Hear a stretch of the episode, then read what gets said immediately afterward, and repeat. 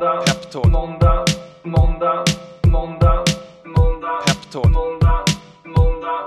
Podden som heter Peptalk. Måndag, måndag, måndag. Då säger vi varmt välkomna till ännu ett avsnitt av eh, podden som heter Peptalk. Varmt välkommen till studion Dan. Tack! Jag har en stark känsla av att vi kommer riva av eh, Peptalks bästa avsnitt i världshistorien eh, idag. Ja, eh, jag tror det. Eh, och eh, jag tror det därför att det, vi ska ju prata med dig. Jag ska prata med dig. Mm, det känns lite nervöst att sitta på den här sidan av, av bordet och få frågorna ställda till, till sig själv istället för att vara den som ställer frågorna till någon annan. Jag tänker med det. Och eh, nej men, eh, för bakgrunden till det här är, jag tror att det kanske var vår, eh, vår inspelande producent eller vad det kallas, Nils. Jag tror han kanske gav idén någon gång om att säga, men fasen, eh, inte, man har inte fått lära känna Dan så mycket. Eh, och du joinade den här podden i september Eh, kan det vara det va? Det stämmer nog bra det. Eh, och nu ska jag försöka bevisa min kredibilitet i frågorna som vi pratar om eh, här varje vecka. Ja, men vi, ska, vi ska testa det. För att det, jag känner ju dig och har gjort det några år så att jag vet ju eh, att det finns eh, lika intressanta svar som du ställer frågor. Eh, var det bra formulerat? Det eh, förpliktigar. Så idag tänkte jag att det är dags. Eh, det är eh, dags för Dan att sätta sig på andra sidan bordet eh, vid gästmicken nummer ett eh, i gästmicken idag. Eh, och så ska vi, eh, ska vi få lära känna honom lite grann. Så att vi gör som vi alltid gör. Vi, vi öppnar studiodörren, vi låter Dan gå ut som programledare så får han komma in igen som gäst. Och så kör vi därifrån. Varmt välkommen till studion, Dan. Tack så mycket Filip. Det känns eh, obekvämt att sitta här på andra sidan bordet, men eh, jag tror att vi kommer få en rolig resa idag också. Jag tror det. Du förekommer min, eh, du förekommer min fråga, vad härligt. Man kan, man kan nästan tänka sig att du är van att ställa frågor. Eh, jag tänkte så här att eh, jag är nyfiken på uh, att uh, lära mig mer om dig. Uh, för idag så tänker jag att jag inte känner dig så väl, utan jag har gjort min research ungefär som, som vilken gäst som helst. vad tror du om det? ja, det kan nog bli svinbra, beroende på vilka källor du har använt för din research. Det vill du inte veta. Nej. På den här sajten danlineup.se kom japan.se eh, så beskriver du det i alla fall som entreprenör och investerare. Och om vi börjar med entreprenörskapet då, var eh, började den resan för dig? Ja, det, först och främst, det känns ju lite cheesy av mig att skriva att jag själv är, är investerare. Jag tror mer åt entreprenörshållet. Eh, men entreprenörsresan började bak, eh, eller för nu, det är ju nästan tio år sedan. Oh, jäklar. Ja, på, på gymnasiet. Eh, där fick driva ett så kallat UF-företag. Jag kommer från en eh, akademikerfamilj, eller där mm. pappa är professor i språk, mamma är från Japan, där utbildning traditionellt sett väldigt viktigt. Visste inte om vad entreprenörskap eh, var för någonting. Eh, men kom i kontakt eh, med det begreppet genom ung företagsamhet och eh, jag har alltid älskat att läsa och lära mig nya saker men inte riktigt trivts i formatet att fråga svar, fråga svar. Så att få testa på att driva ett sånt här företag var en fantastisk upplevelse. Ta, eh, gå från idé, få ner idén på ett papper, eh, försöka få ut det till någon annan så att den köper det du har att erbjuda. Eh, och på den vägen är det. Vad var det du erbjöd där? UF? Vi sålde engångskaffemuggar med tryck på eh, och fick in lite olika kunder, bland annat börsnoterade Oscar Properties okay. köpte engångskaffemuggar av oss. Så fick vi besöka deras kontor eh, när vi gick då sista året på gymnasiet och jag har aldrig känt mig så liten. Varför kände du dig liten? Ja men det var, det var Eh, dels så gick jag på gymnasiet i, i Eskilstuna och bara åka upp till eh, Stockholm. Det var en upplevelse i sig och sen så kom in och försöka sälja någonting till någon eh, i ett möte sådär. Eh, det, var, det var läskigt för mig och mina kollegor som jag åkte upp med. Men vi eh, lyckades ju seal the deal med eh, Oscar himself. Um, och jag tror att han köpte det av lite mer barmhärtighetsskäl än, än att han faktiskt tyckte att produkten var grym. Men det inspirerade oss eh, och sen så sen dess har jag varit ganska högt på det här med entreprenörskap. Ja, och eh, normalt sett så är det här UF, det heter ju UF-året eh, kan man kalla det, för att du gör ju det under, under ett läsår då i gymnasiet. Eh, men eh, om jag läste ditt CV rätt så har du sen fortsatt eh, efter det med att eh, projektledarroll, kommunikatör för en företagsamhet. Eh, vad, vadan detta? Ja men exakt, efter gymnasiet så eh, började jag jobba för Ung Företagsamhet mm. i Sörmland istället. Gjorde det i ungefär, jag tror att det var ett och ett halvt, två år. Eh, men när man, jag tror också att när man ligger så nära entreprenörskapet och, och de forum där så, så jag blev väldigt inspirerad. Eh, och eh, efter ett litet tag så valde jag tillsammans med två eh, bekanta eh, jobba heltid med ett eget städbolag. Eh, så jag gjorde ett par år som, som anställd där på Ung mm. Företagsamhet och hade en fantastiskt rolig tid. Fick också möjlighet att åka ut eh, på uppdrag av Vinnova och Tillväxtverket på en mm. föreläsningsturné där vi åkte runt till olika gymnasieskolor i Sverige och pratade om innovationssystemet och trippelhelix och lite coola grejer. Vad är trippelhelix? Ja men samverkan mellan eh, högskola, universitet, ah, akademi, ah, stat okay. och näringsliv. Ah, och, ja, ja. Eh, och vart man ska vända sig när man då, eh, när du har en idé som du vill förverkliga eller kommersialisera. Mm. Eh, så gjorde det ungefär, ja men var ute på den turnén i några månader och sen så blev det eget bolag för hela slanten. Och när man bestämmer sig för att starta eget bolag, vad, vad behöver man på bordet då? Fanns det någonting färdigt som du hoppade på?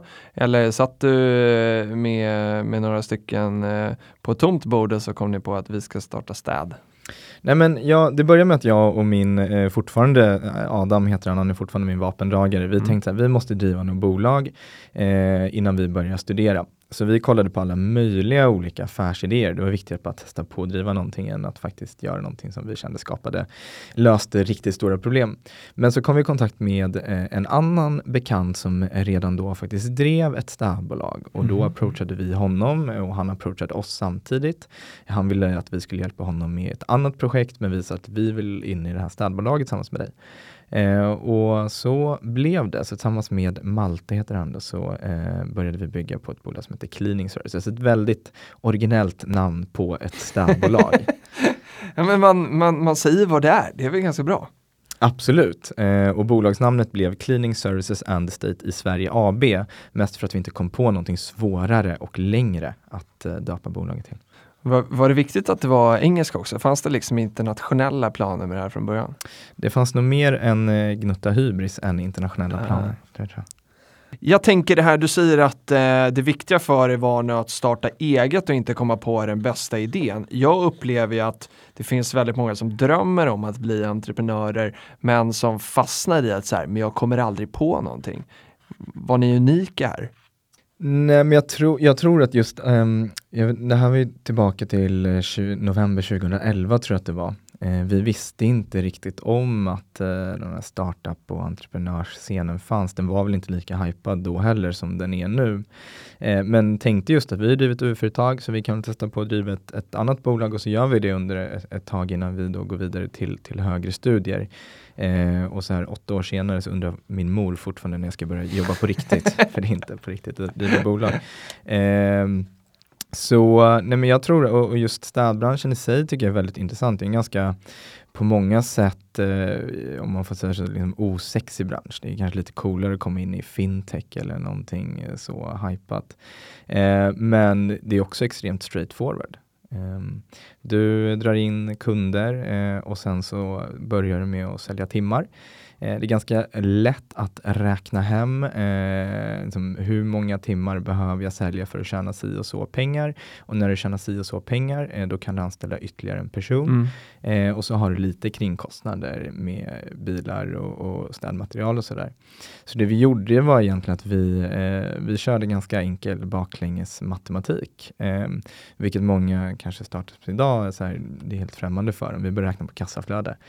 hur många eh, samtal måste vi ringa för att få kontakt med hur många personer och hur många av de här personerna kommer bli kunder? Hur mycket omsätter en kund eh, och hur många då sådana uppdrag behöver vi ha löpande för att kunna finansiera då att vi har mm. en anställd. Eh, och vad tjänar vi på varje anställd person. Så det gjorde vi ungefär två och ett eh, halvt år eh, och blev 28 medarbetare som mest. Jag tror att det motsvarar ungefär 14 heltidstjänster eller någonting. Mm. Eh, och det var en fantastiskt bra skola tror jag att som 20-21-åring få, få bygga upp ett bolag och göra alla möjliga misstag under den resans gång men också verkligen testa på de här olika beståndsdelarna som har med bolag att göra mycket personal. Eh, att driva den typen av tjänsteföretag är personalintensivt. Det är mycket sälj, det är mm. marknadsföring, det är lite logistik eh, och sen såklart en del fackkunskap eh, också. Men det gjorde vi ungefär två och ett halvt år innan vi kände att nu är det dags att ta nästa steg. Och vi kommer dit, men innan vi kommer dit så, så undrar jag så här, om man är liksom 20 bast och bestämmer sig för att när jag ska starta bolag, eh, hur finansierar man liksom sitt liv som entreprenör där i början? Hade ni business som ni kunde betala ut löner eh, direkt eller hade ni snälla föräldrar som kunde ställa upp? Eller så här? Hur, eh, för, alltså, ekonomin tycker jag det pratas alldeles för lite om. Alltså, många startar saker och gör grejer men så sitter folk där ändå och undrar så här, men hur fasen har du råd med det här? Hur hade ni råd med det här? Men jag, jag, är så oerhört imponerad över alla som väljer att starta bolag senare i livet för det har en sån men oftast en stor alternativ intäkt eller alternativ kostnad. Mm. Eh, du kanske har bostadslån, du kanske har familj som du vill försörja och sådär. Men när du är, så att du kommer ut från gymnasiet, du är 19 år och du, du kommer från en månatlig ersättning på kanske basinkomst på 1050 eller mm. 1100 eller vad studiebidrag ligger på. Eh, det är inte så mycket att, att finansiera upp och börja räkna på det då. och säga okay, men hur, mycket, hur många timmar behöver jag eh, sälja till exempel städtjänster för, för att få ut en lön på motsvarande 8000, vilket kompisarna som just då pluggade fick in. Mm.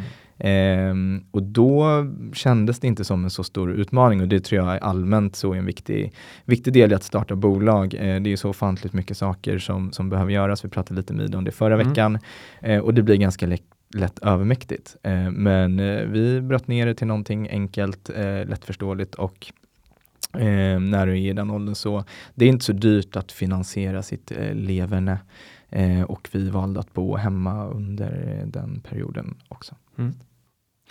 Och sen eh, går de här två och ett halvt åren och så kommer vi fram till 2015 kanske och så blir det här eh, Klino då som bolaget eh heter idag. Hur skulle du beskriva, heter det? Skulle beskriva Klino?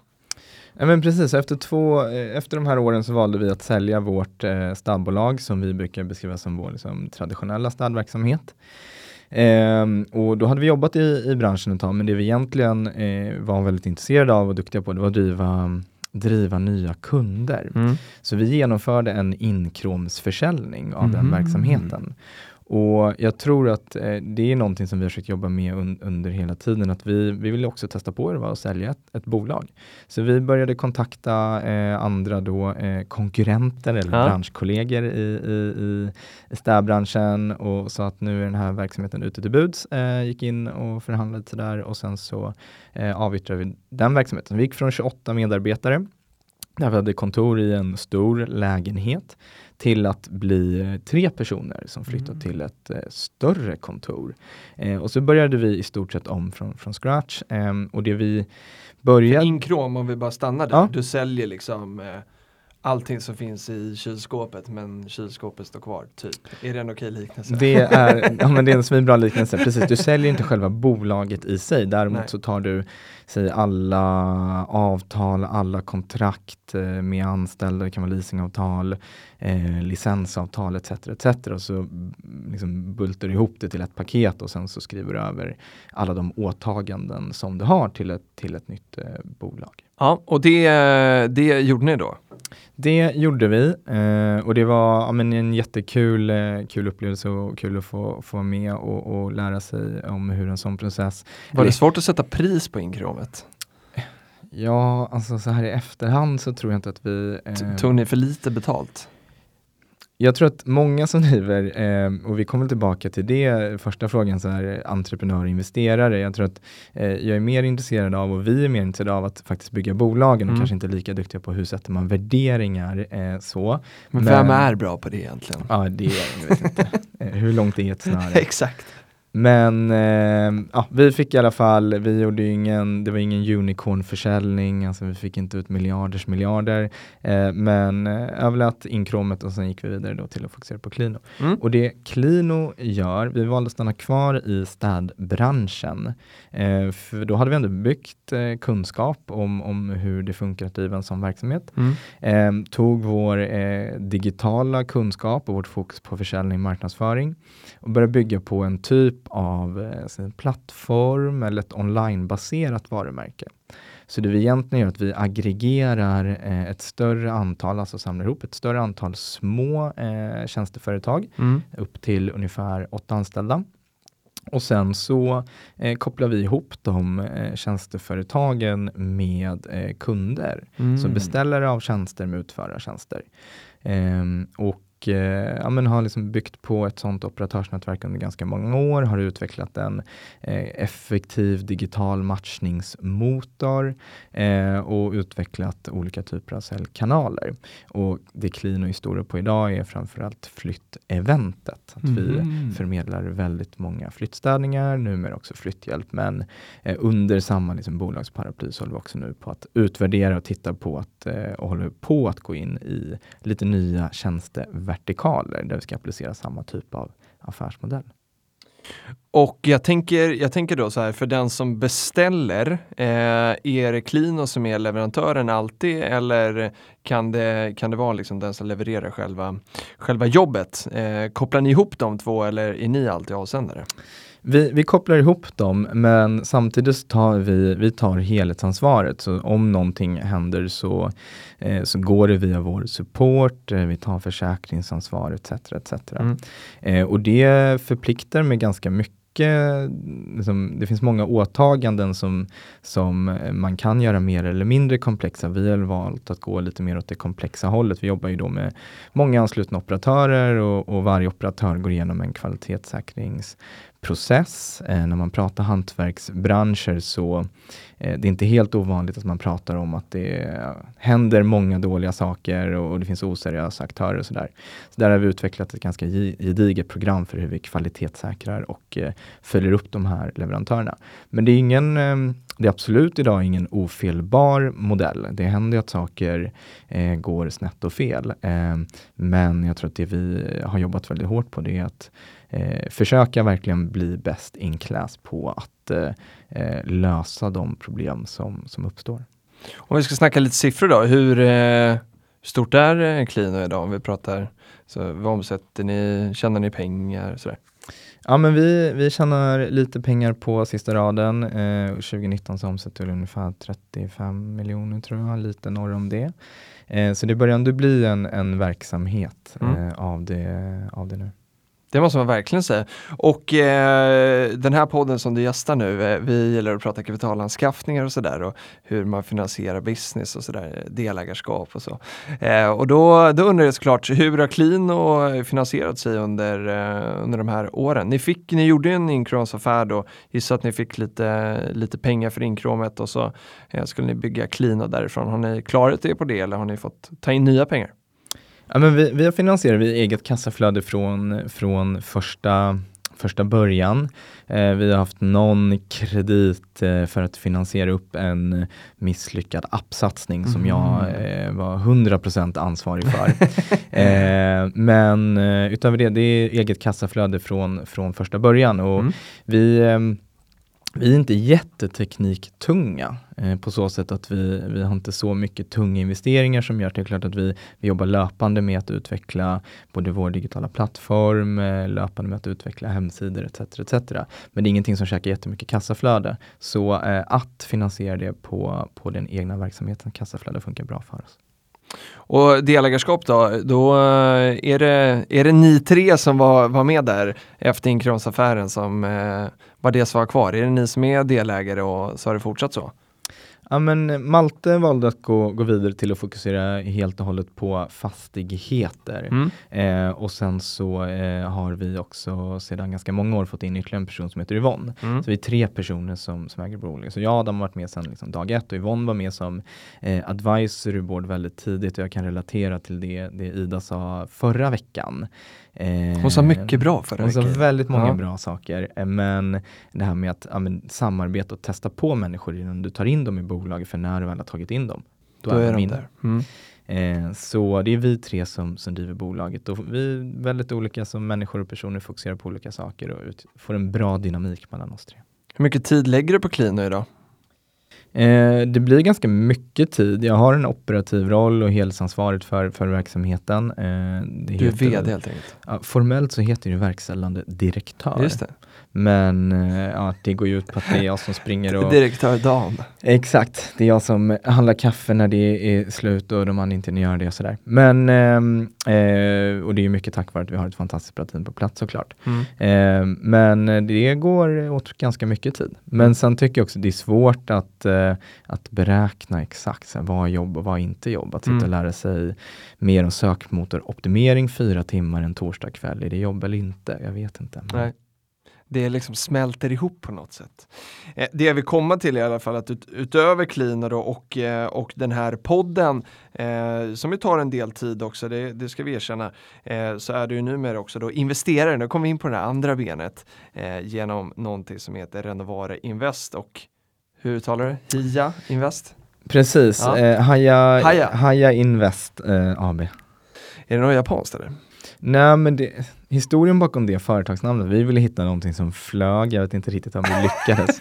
men då satt jag, Adam och, och Malte, vi var på någon sån där, eh, inte direkt en konferens, men en weekend ihop och så försökte vi hitta på ett namn. Och det här var under perioden som eh, tv-serien Million Dollar Listing med Fredrik Eklund var så populär. Okej, Och då hade han ett signum som var, här, han gick upp och gjorde någon Kicken. kicken Ja. och då sa han haja eh, och då tänkte vi att men vi tar det där och så byter vi sen och nu sitter det fast eh, där. Jag förstår, men eh, om du skulle förklara liksom strukturen här nu, har du eh, eh, du är vd för ett bolag och sen eh, har du mm, liksom som entreprenör då, sen har du två bolag du investerar genom. Berätta. Yes, då ska jag försöka få ihop det här. Men om man tittar på strukturen så har vi eh, Haja är, är liksom mitt Adam och Yvonnes gemensamma bolag. Eh, utifrån Haja, där fokuserar vi just på eh, onlinebaserade tjänsteföretag. Vi jobbar med saker som är relaterade till det vi, det, det är bland annat Clean att jobba med, Mm. eh, RUT-tjänster och Mm. ROT-tjänster. Haja är, har också en andel i Renovare och tanken med Renovare har varit att Mm. snarare gå in i ägarledda bolag, men inte ägarledda bolag av oss, utan av andra Mhm. ägare. Så distinktionen blir någonstans, Haja är våra egna satsningar, det vi startar upp själva från grunden, eh, där vi bygger ett ekosystem inom eh, tjänster, medan Renovare är lite mer eh, free spirit och springer på, på att eh, stötta upp andra. Och om vi fo- eh, fokuserar då på Renovare, hur springer ni på sådana bolag att investera i? Gör ni det? Men ambitionen är att göra det. Vi har väl haft det här uppe, det här bolaget i, i något eller ett par år, träffat ganska många, räknat på en hel del case, men vi har inte, har inte klivit in i någonting formellt, vi har varit nära på att göra det. Eh, men det är också ganska skönt, men vi är ingen brådska med att, gå in i något no case, utan det är viktigt för oss att vi hittar rätt, men också att den, eh, det bolaget som vi pratar med, att de tycker att vi känns, känns rätt. Eh, men vi är ute och scoutar bolag och träffar och pratar med folk kontinuerligt.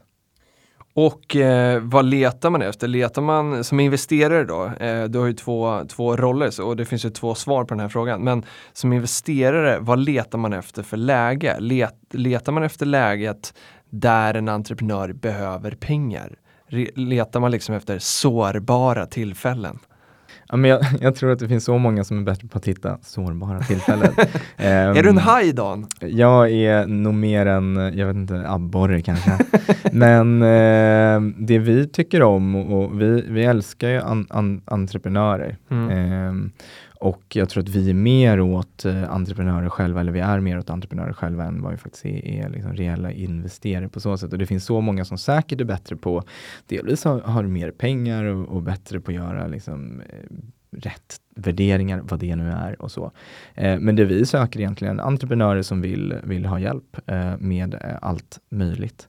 Eh, allt ifrån liksom vi, vi gör väldigt mycket rekryteringar, bra processer för det. Det kan vi lyfta in, automatisera interna system, sätta upp CRM-system, koppla ihop med rätt eh, leverantör av digital marknadsföring. Eh, Yvonne har en bakgrund som affärsjurist. Det är också någonting som vi kan bidra med. Men också vara en allmän eh, speaking partner. Mm. det är tufft att vara entreprenör. Det kan vara skönt att att ha någon som vet hur det är att stå inför nästa löneutbetalning eller momsutbetalning när likviditeten krisar lite. Eh, och det är det vi tänkte att vi ska komma in med.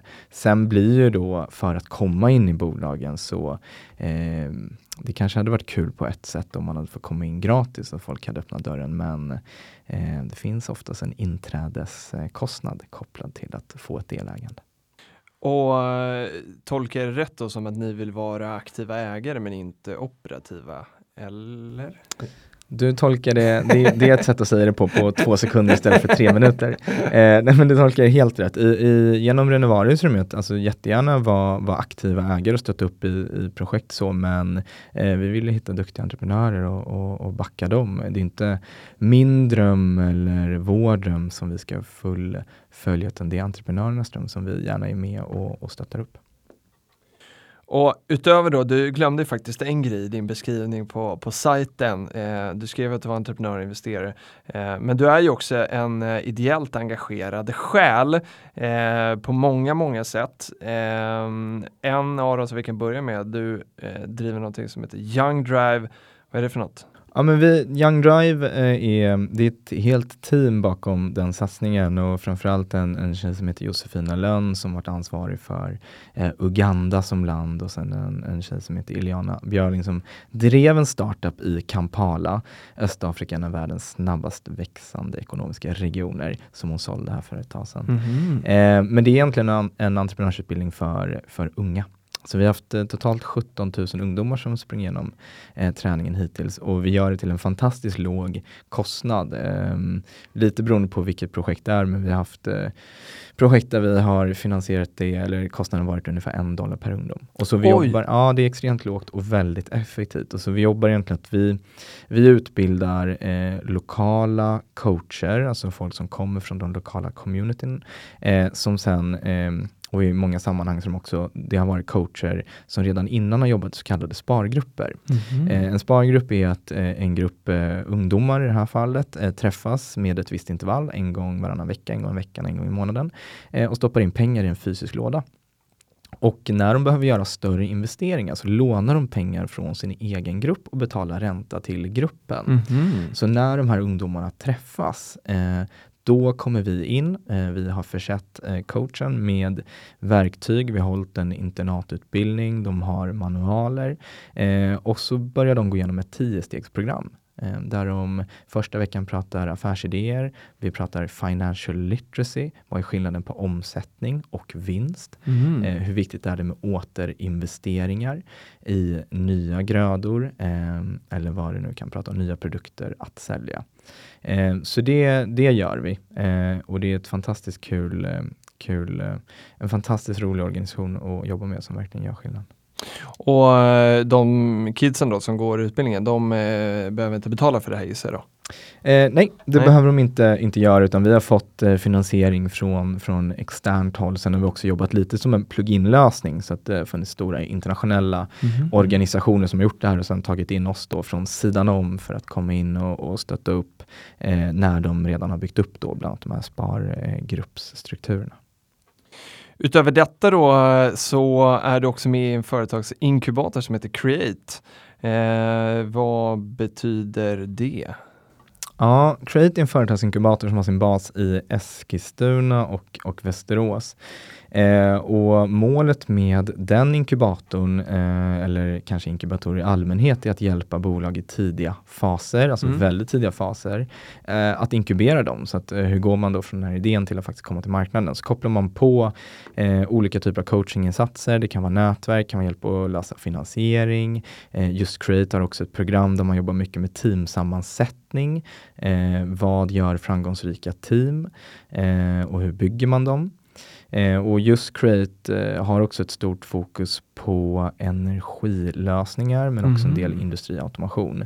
Eh, I just eh, Sörmland, eh, Västmanland då. I Västmanland så har vi ABB som bland ganska stora. Eh, men, och i Sörmland och Eskilstuna då har vi Energimyndigheten. Och sen så lite längre bort i länet så har vi också Studsvik som har en Just testbädd. Så det finns bra testbäddar för energistartups där på plats.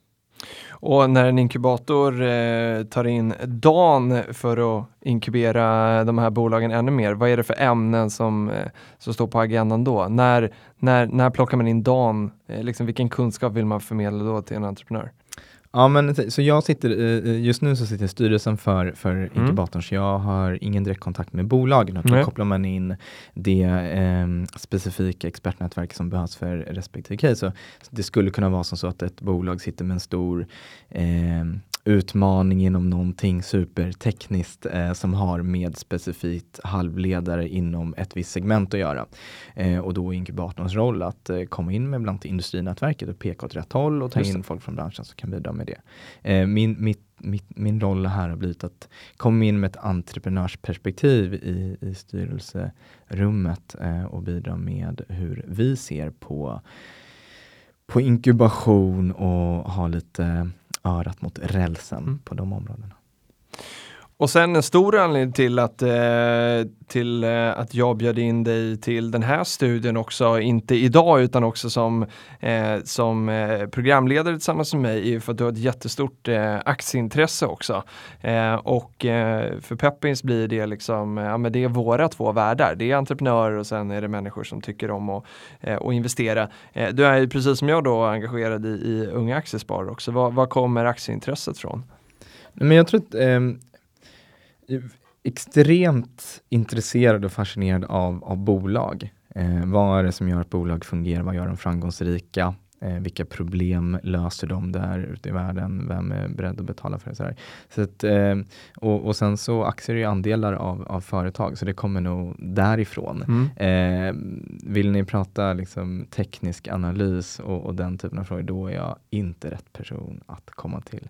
Eh, men det är nog intresset för bolag och företag som fenomen eh, och vad de har för samhällsroll som gör mig så extremt intresserad av, av det här. Sen har intresset eh, eskalerat eller accelererat beroende på hur man ser det. Eh, nu när man har ett eget bolag och, och får umgås med många andra entreprenörer och prata om de här frågorna. Och man får en, med det också kanske en annan insyn och förståelse i hur funkar att driva bolag och då blir det ännu mer fascinerande hur, man, eh, hur det funkar där ute. Och eh, innan vi kommer eh, till eh, sporten, vi måste ju snacka lite sport också, jag tycker det är kul, men så ska vi nämna att eh, eh du fick ett, ett pris på investmentbolaget Spiltans eh, årsstämma. Där delas det varje år ut ett pris till en entreprenör som gör någonting för andra entreprenörer. Eh, och eh, ideellt så. Eh, och då tänker jag mig, och det är ju jättestort då, och eh, fint pris att få sådär när man är entreprenör eh, och eh, eh, liksom driver business, tjänar pengar och sådär. Hur hanterar man balansen mellan att göra saker ideellt med att så här, eh, göra någonting kommersiellt som ger cash på kontot? Ja, det är nog en väldigt svår balans att ta. Jag tror man måste bryta ner det till varje, varje individ. Eh, jag har väldigt starka drivkrafter av att lära mig nya saker eh, och eh, ett stort behov av att få influenser från många olika håll och eh, kanter. Så jag tror att en förutsättning för att jag ska kunna driva och engagera mig liksom i de egna bolagen över tid är att jag också fyller på med inspiration eh, från andra håll. Eh, sen att det har blivit ideellt eh, bolag generellt sett tycker jag har en extremt viktig roll eh, och funktion i samhället överlag. Mm. Eh, och eh, att driva bolag vinstdrivande, det är, väl, det är ett verktyg för att lösa problem och utmaningar. Eh, men ibland så kanske den ideella, vad ska man säga, eh, organiseringen är ett mer effektivt sätt eller ett mer effektivt verktyg att, att eh, lösa saker på. Så att, mm. eh, kollar man på, på ung företagsamhet så har det handlat mycket om eh, ja, men hur kan vi få fler unga att bygga entreprenöriella förmågor. Eh, jag tror att det blir eh, extremt viktigt att vi, vi får en större dos av det i framtiden. Vi har ganska många stora världsproblem och utmaningar som vi behöver rycka tag i. Eh, och jag tror också att eh, oavsett vilken väg man vill gå, vill man in i politiken, eller vill man jobba på ett stort bolag eller eh, vill du jobba med ja, som skådespelare, vad som helst, så behövs, alltså du kommer alltid ha nytta av entreprenöriella förmågor.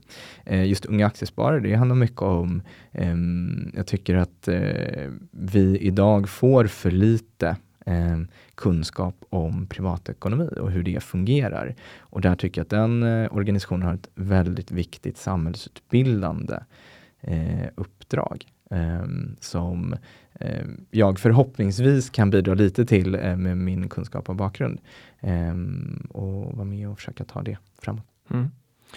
Hur, eh, när man jobbar med partners, eh, som i ditt fall eh, Adam och, och Yvonne, eh, finns det, behöver man liksom klira med sina delägare när man gör grejer utanför den gemensamma businessen? Eh, blir det så här, ja vi kan börja där, behöver man göra det? Så att det inte blir ett problem eh, att någon, någon tycker att så här, men vad fasen, varför lägger du inte all din tid på clean och eh, varför gör du det här för unga aktiesparare som inte tjänar oss någonting?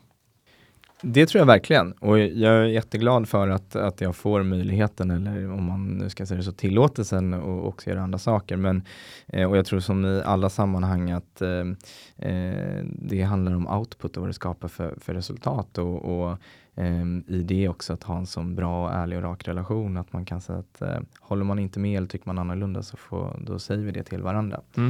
Uh, men uh, innan jag hoppar på någonting nytt så, så kleras det med, med dem och jag tar in vad de tycker och tänker.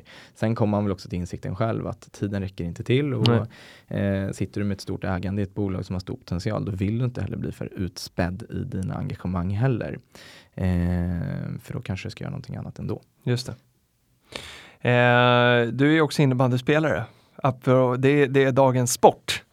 Eh, för japanska landslaget. Jajamensan, eh, förutom ja, men, eh, bolagsnörd på dagarna och innebandyspelare på, på nätterna. Eh, ja, precis. Jag gjorde VM-premiär i Prag förra, förra december förra året. Mm. Eh, och nu i mars ska jag iväg till eh, Thailand och spela, spela VM-kval eh, mot de andra asiatiska och eh, vad säger man, oceanländerna. Ja. Eh, så ja, det, det är ja, men jättekul. Innebandyn är inte lika stor som sport i Japan som i, i Sverige. Så, jag tänkte eh, fråga det, alltså för eh, jag har spelat en del innebandy, jag vet att svenska landslaget är, liksom, de är ju väldigt duktiga. Eh, ett av de bästa lagen i, i världen. Vad, vad, vad blir en match mellan Sverige och Japan? Eh, När du inte är med? Ja men, nej, men det blir nog ingen match hoppas jag. Eh, nej men i Sverige, de är ju elitidrottsmän och innebandyn har kommit ganska långt och de har en ofantligt hög tränings eh, nivå, de tränar mycket och de tränar extremt hårt. Eh, I Japan så dels är sporten inte så himla stor så urvalet är såklart mindre. Eh, men sen så de flesta i det japanska laget är, är studenter. Eh, mm. När du eh, har studerat klart och du ska börja jobba och sådär så finns det inte tid för fritidsintressen på samma sätt som vi har här i, i Sverige. Och det gör att när du kommer upp i en viss ålder så kanske du lägger ner dina fritidsintressen ah, okay. och därför så eh, är det svårt att ta sporten liksom till nästa nivå om ja. alla slutar när de är 23 eller sånt där. Just det. Men du hänger kvar 23 plus? Eh, jag, jag hänger kvar, vi är två stycken. Det är jag och en, en, en kille som heter Peter som, som spelar där tillsammans. Han är också halvsvensk och halvjapansk. Fantastiskt kul upplevelse och det är någonting med att hela tiden testa nya saker och sen så se vad som händer. Men det är också förenat med extremt mycket, mycket ångest. Eh, man vill ju göra ett bra jobb oavsett vad man ger sig in i. Och eh, med just japanska innebandylandslaget slår vi nästan alltid ur underläge. Jag har lite svårt att förlika mig med, med vilka förutsättningar vi har kontra med många andra. Så eh, fantastiskt roligt men också förknippat med extremt mycket ångest. Men det kan vara bra ibland. Eller jag vet inte om ångest är bra, men, men eh, det är då man ofta är i, i zonen som man utvecklas, tänker jag mig. Eh, när vi eh, gästades av Jessica Löfström, ett fantastiskt avsnitt eh, om man inte har lyssnat på det, eh, så uttryckte hon någonting i stil med att det enda som är värre och, eh, än att vara anställd, det är alltså dåligt i hennes ögon, eh, är att sitta i klorna på, på ett riskkapitalbolag eller vara ägd av ett, jag kommer inte ihåg exakt hur hon uttryckte sig, men ni fattar vad jag menar. då är min fråga till dig så här, hade du kunnat tänka dig att vara anställd? Jag vill, jag vill så gärna höra vad du tycker om den kommentaren sen också. Absolut. ja, men jag tror, eh, alltså entreprenörskap har blivit så himla, himla hypat, men jag kommer tillbaka till att eh, det är ett verktyg av många. Mm. Eh, att, att försöka göra skillnad på eller jobba med någonting eller göra någonting som du brinner för och är passionerad över.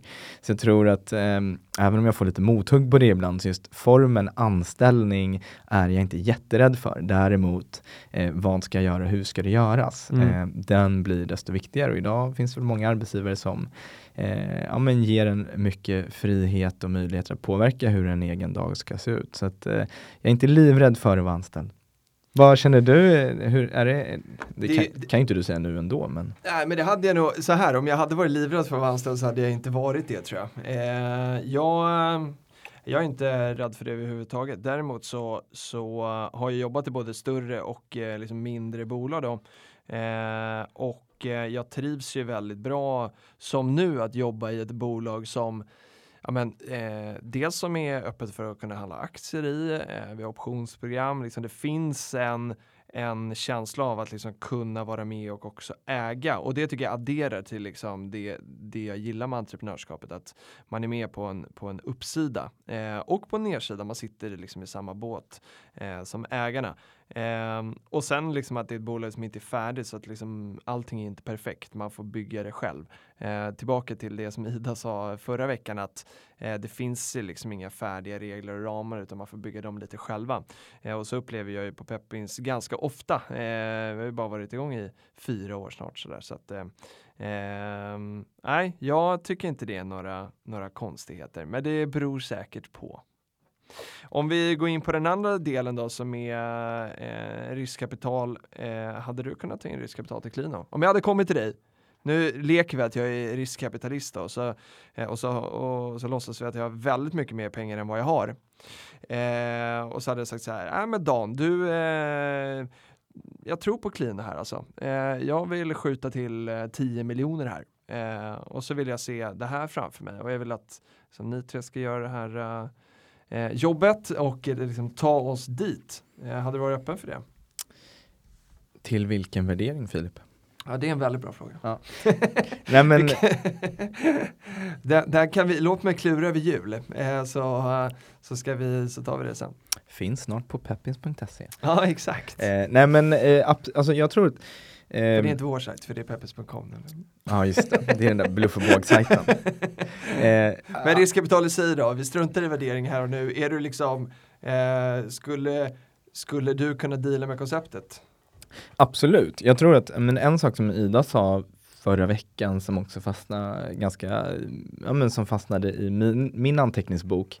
Eh, att innan du tar in kapital så är det bra att veta vad, vad är det du vill bygga och mm. ha en mm. tydlighet i det och desto tydligare den roadmappen blir desto mm, effektivare kan nog kapitalet jobba när det väl kommer in.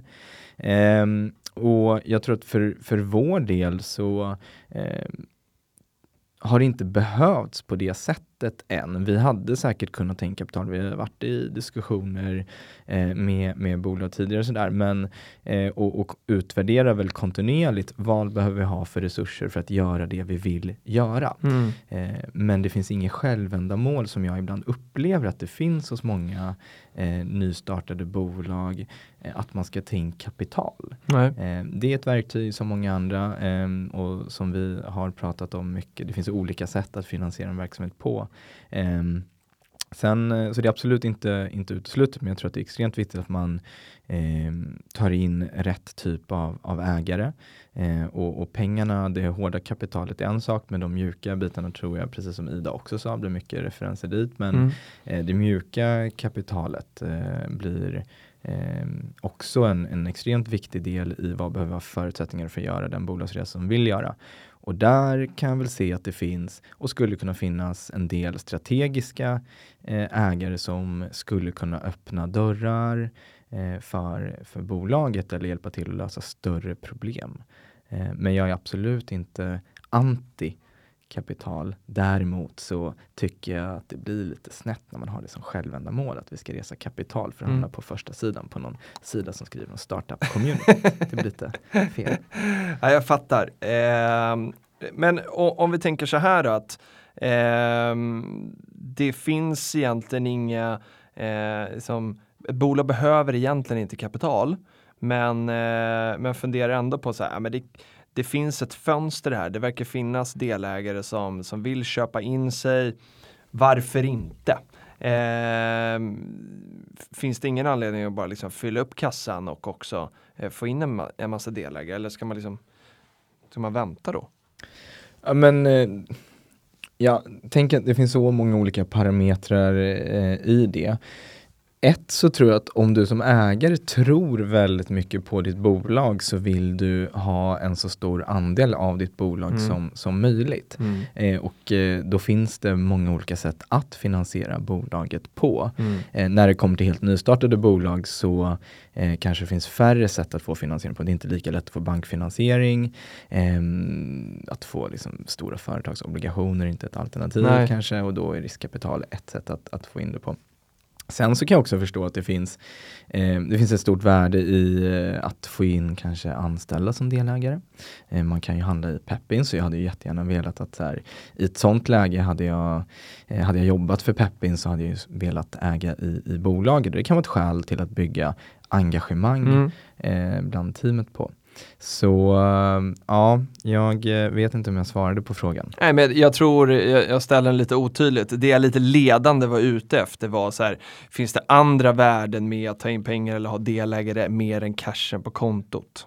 Ja, nej men jag tror eh, för många bolag, alltså delvis så finns det finns många bolag som är väldigt teknikintensiva eller där man har en mm. lång process till, till marknaden och vi kan prata medtech eller biotech eller någonting, vad som helst någonting med forsknings... Tech. ja, någonting tech liksom där, eh, som, och som är tech på riktigt, inte bara som sätter nej, tech för att det nej. ökar värdering på bolaget. Eh, absolut, du, du, kan, du kanske det är ett, ett måste så. Mm. Sen eh, tror jag att få in industriella ägare mm. eh, och samarbetspartner i, i ägarlistan, det kan vara superbra, öppna dörrar som man annars eh, inte skulle kunna kliva igenom.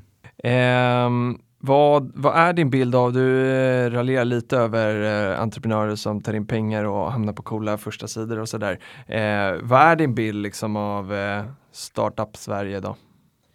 Jättebred fråga, men eh, du får svara hur smalt du vill. men jag, vi får se om du håller med om det här då. Men jag tänker mig att eh,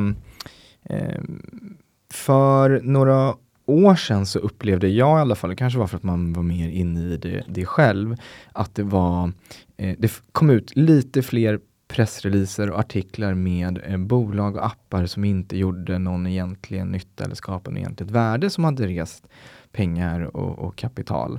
Eh, idag upplever jag att vi inte får in lika många sådana utan att det är större fokus på att faktiskt bygga riktiga verksamheter. Mm. Eh, och det är en trend som, som jag verkligen tycker om. Och, och det låter ju sunt. Det låter sunt. Eh, men jag tror också att en effekt, sen, sen förstår jag att vi, man måste skjuta brett också mm. eh, och få kvantitet i idéer. För att få fram de bästa idéerna så behöver vi också få många idéer och ha ett inflöde av det. Och vissa klarar sig. Mm. Och jag tror det är därför vi också ser den ökade trenden av, som Latif pratade lite om, scale-ups. Nu har det gått några år sedan eh, den här värsta hypen var eh, kring, kring startups. Så nu ser vi konsekvenserna av det. Den konsekvensen är, är scale-ups och vissa bolag har överlevt och klarat sig. Och för det, det jag funderar lite på om man liksom blickar tillbaka så har ju, tittar man på så här handelshögskolorna så har det gått trender i vad man ska bli.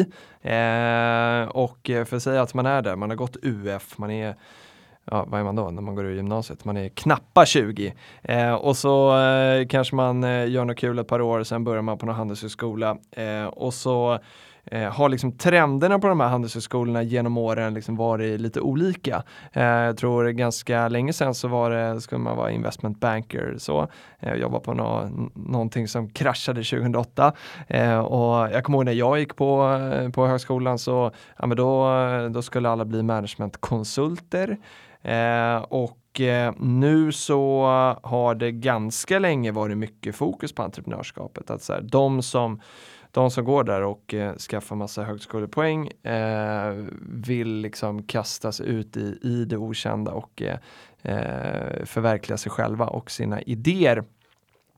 Är det sunt där? Nej men jag tror att vi, vi jag, jag, tror förebilderna som vi lyfter och, och tittar man på typ affärsmedier, vilka är de stora förebilderna som lyfts och vad är det vi lyfter? Snabbaste vägen till makt, mm. pengar, eh, framgång, eh, det är att starta ett bolag. Mm. Eh, för det är, de, det är våra stora förebilder som, som, som frontas idag. Eh, sen har vi ju sen under de sista 10-15 åren så har vi haft några riktigt stora succéer i Sverige. Klarna 2005, vi hade Spotify 2006 och iSettle mm. som grundades 2010. Yeah. Eh, och det är ju på något sätt här näringslivets rockstjärnor nu för tiden. Mm. Och, och jämför liksom att, att göra en resa som en, en entreprenör eh, och få tillgång till de här pengarna och, och, makten och framgången i samhällets ögon kontra att gå in i till exempel ett storbolag. Och, och resan från att eh, göra ditt, eh, din trainee, eh, liksom, ditt traineeprogram till dess att du blir börs-VD, det är decennier tills dess. Så att, eh, jag tror att den här uh, bilden över snabb framgång lockar många mm. eh, och den enkla tillgången till kapital som jag också tror är jätteviktigt för att vi ska få fram fler ja, ja. bra, bra eh, bolag över tid. Men jag tror också det är viktigt att ta med den aspekten att eh, Klarna 25, Spotify 26, iSettle 2010, mm. det är fortfarande en ganska lång period mm. och det är väldigt få bolag som tar sig hela vägen fram. Mm. Eh, men jag tror att just förebilderna som lyfts är, är extremt viktiga och därför blir det också så viktigt eh, att se över vad är det för typ av förebilder vi lyfter. Mm. Um. Men det känns ju, det känns ju sunt för eh, liksom eh, Sverige och liksom alla länder där entreprenörskap är, eller för världen då, vi kan ju prata, all, det mesta är globalt här, så vi kan ju prata planeten, det är egentligen ointressant om det är bra för Sverige eller inte.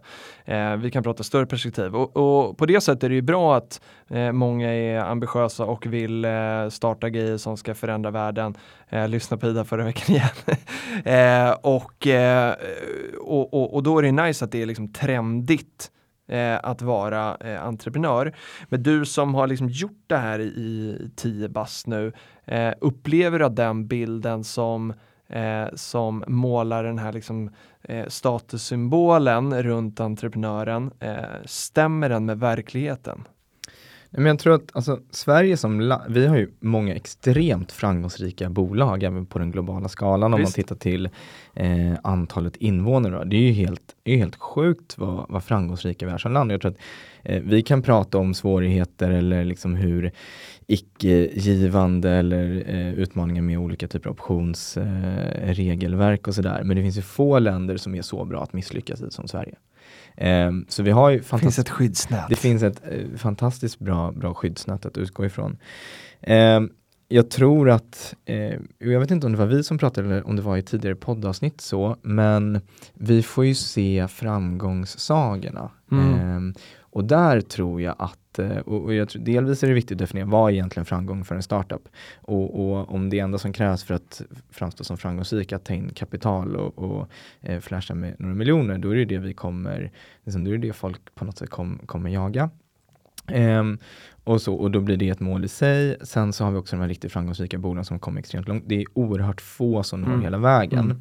Och om du startar ett bolag för att du tänker att det är eh, entreprenörskap så tror jag att du kommer bli, du tror jag definitivt att du kommer bli besviken. Eh, entreprenörskap är ett verktyg som, som mycket annat och, och nästan alla entreprenörer som, som jag pratar med eh, återkommer till att ja, men hade jag vetat hur svårt det var så hade jag aldrig startat. Eh, och det är mycket ansvar på, på axlarna och, och så. Eh, men det finns ju också såklart en, en tjusning i, i det. Mm. Eh, och jag tror att vissa, vissa gillar att jobba under de förhållandena. Men jag tror det är allt annat än glamoröst. Och det är inte alltid superkul, men jag personligen hade inte velat göra någonting annat i hela världen. Eh, det, det är definitivt värt det. Häftigt.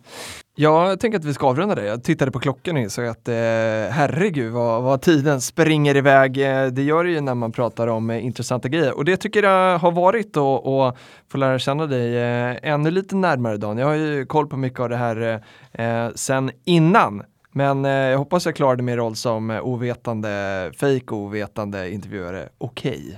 Det, jag vet inte om jag kan recensera det, men det tycker jag verkligen. Och vi kommer ju fortsätta prata riskkapital jag och kapitalanskaffningar och allting i, i, ja, i framtiden. Det kommer också. vi göra. Det kommer vi göra. Så uh, vi uh, säger tack för idag tycker jag och uh, så vill du läsa disclaimern eller? Eller nej, börja, oh, börja med den. Ska jag börja med, jag kan ju vad tycker ni lyssnare om det här? eh, maila till peptalk.peppins.com eller skriv till oss på sociala medier, join underline peppins på Instagram och Twitter. Det går också jättebra att skicka inspelade frågor på mailen också. Vi skulle eh, så, sluta med det. Just det, så spelar vi inte upp de här i podden. Du lyssnar, eh, du kan prenumerera på podden på Soundcloud, Acast Podcaster och såklart Spotify. Disclaimer Filip. Ja, den här podden produceras som ni säkert vet vid det här laget för Peppins och eh, inget av innehållet ska ses som finansiell rådgivning. Investeringar i aktier är förenat med risk som innebär att man kan förlora delar eller hela det investerade kapitalet. I det här avsnittet har vi ju eh, snackat om eh, Klino får vi väl säga är eh, huvudpunkten och dina andra bolag eh, som ju eh, det känns som underförstått att du är delägare i. Jag är det inte. Eh, kan bara vara bra att säga då. Vi får väl se när du återkommer med det här 10 miljoners budet. Det är en värderingsfråga nu och vi går in i förhandling. Ja, jag måste bara komma på hur mycket jag vill ha, hur, må hur många procent jag ska ha för dessa eh, pengar som jag måste nog spara ihop först. Det, det kommer ta några år till, eh, till 10. Eh, hörni, ha en underbar vecka och stort tack Dan. Vi eh, hörs igen nästa vecka. Tack Filip, vi hörs igen. Hej då! Hej!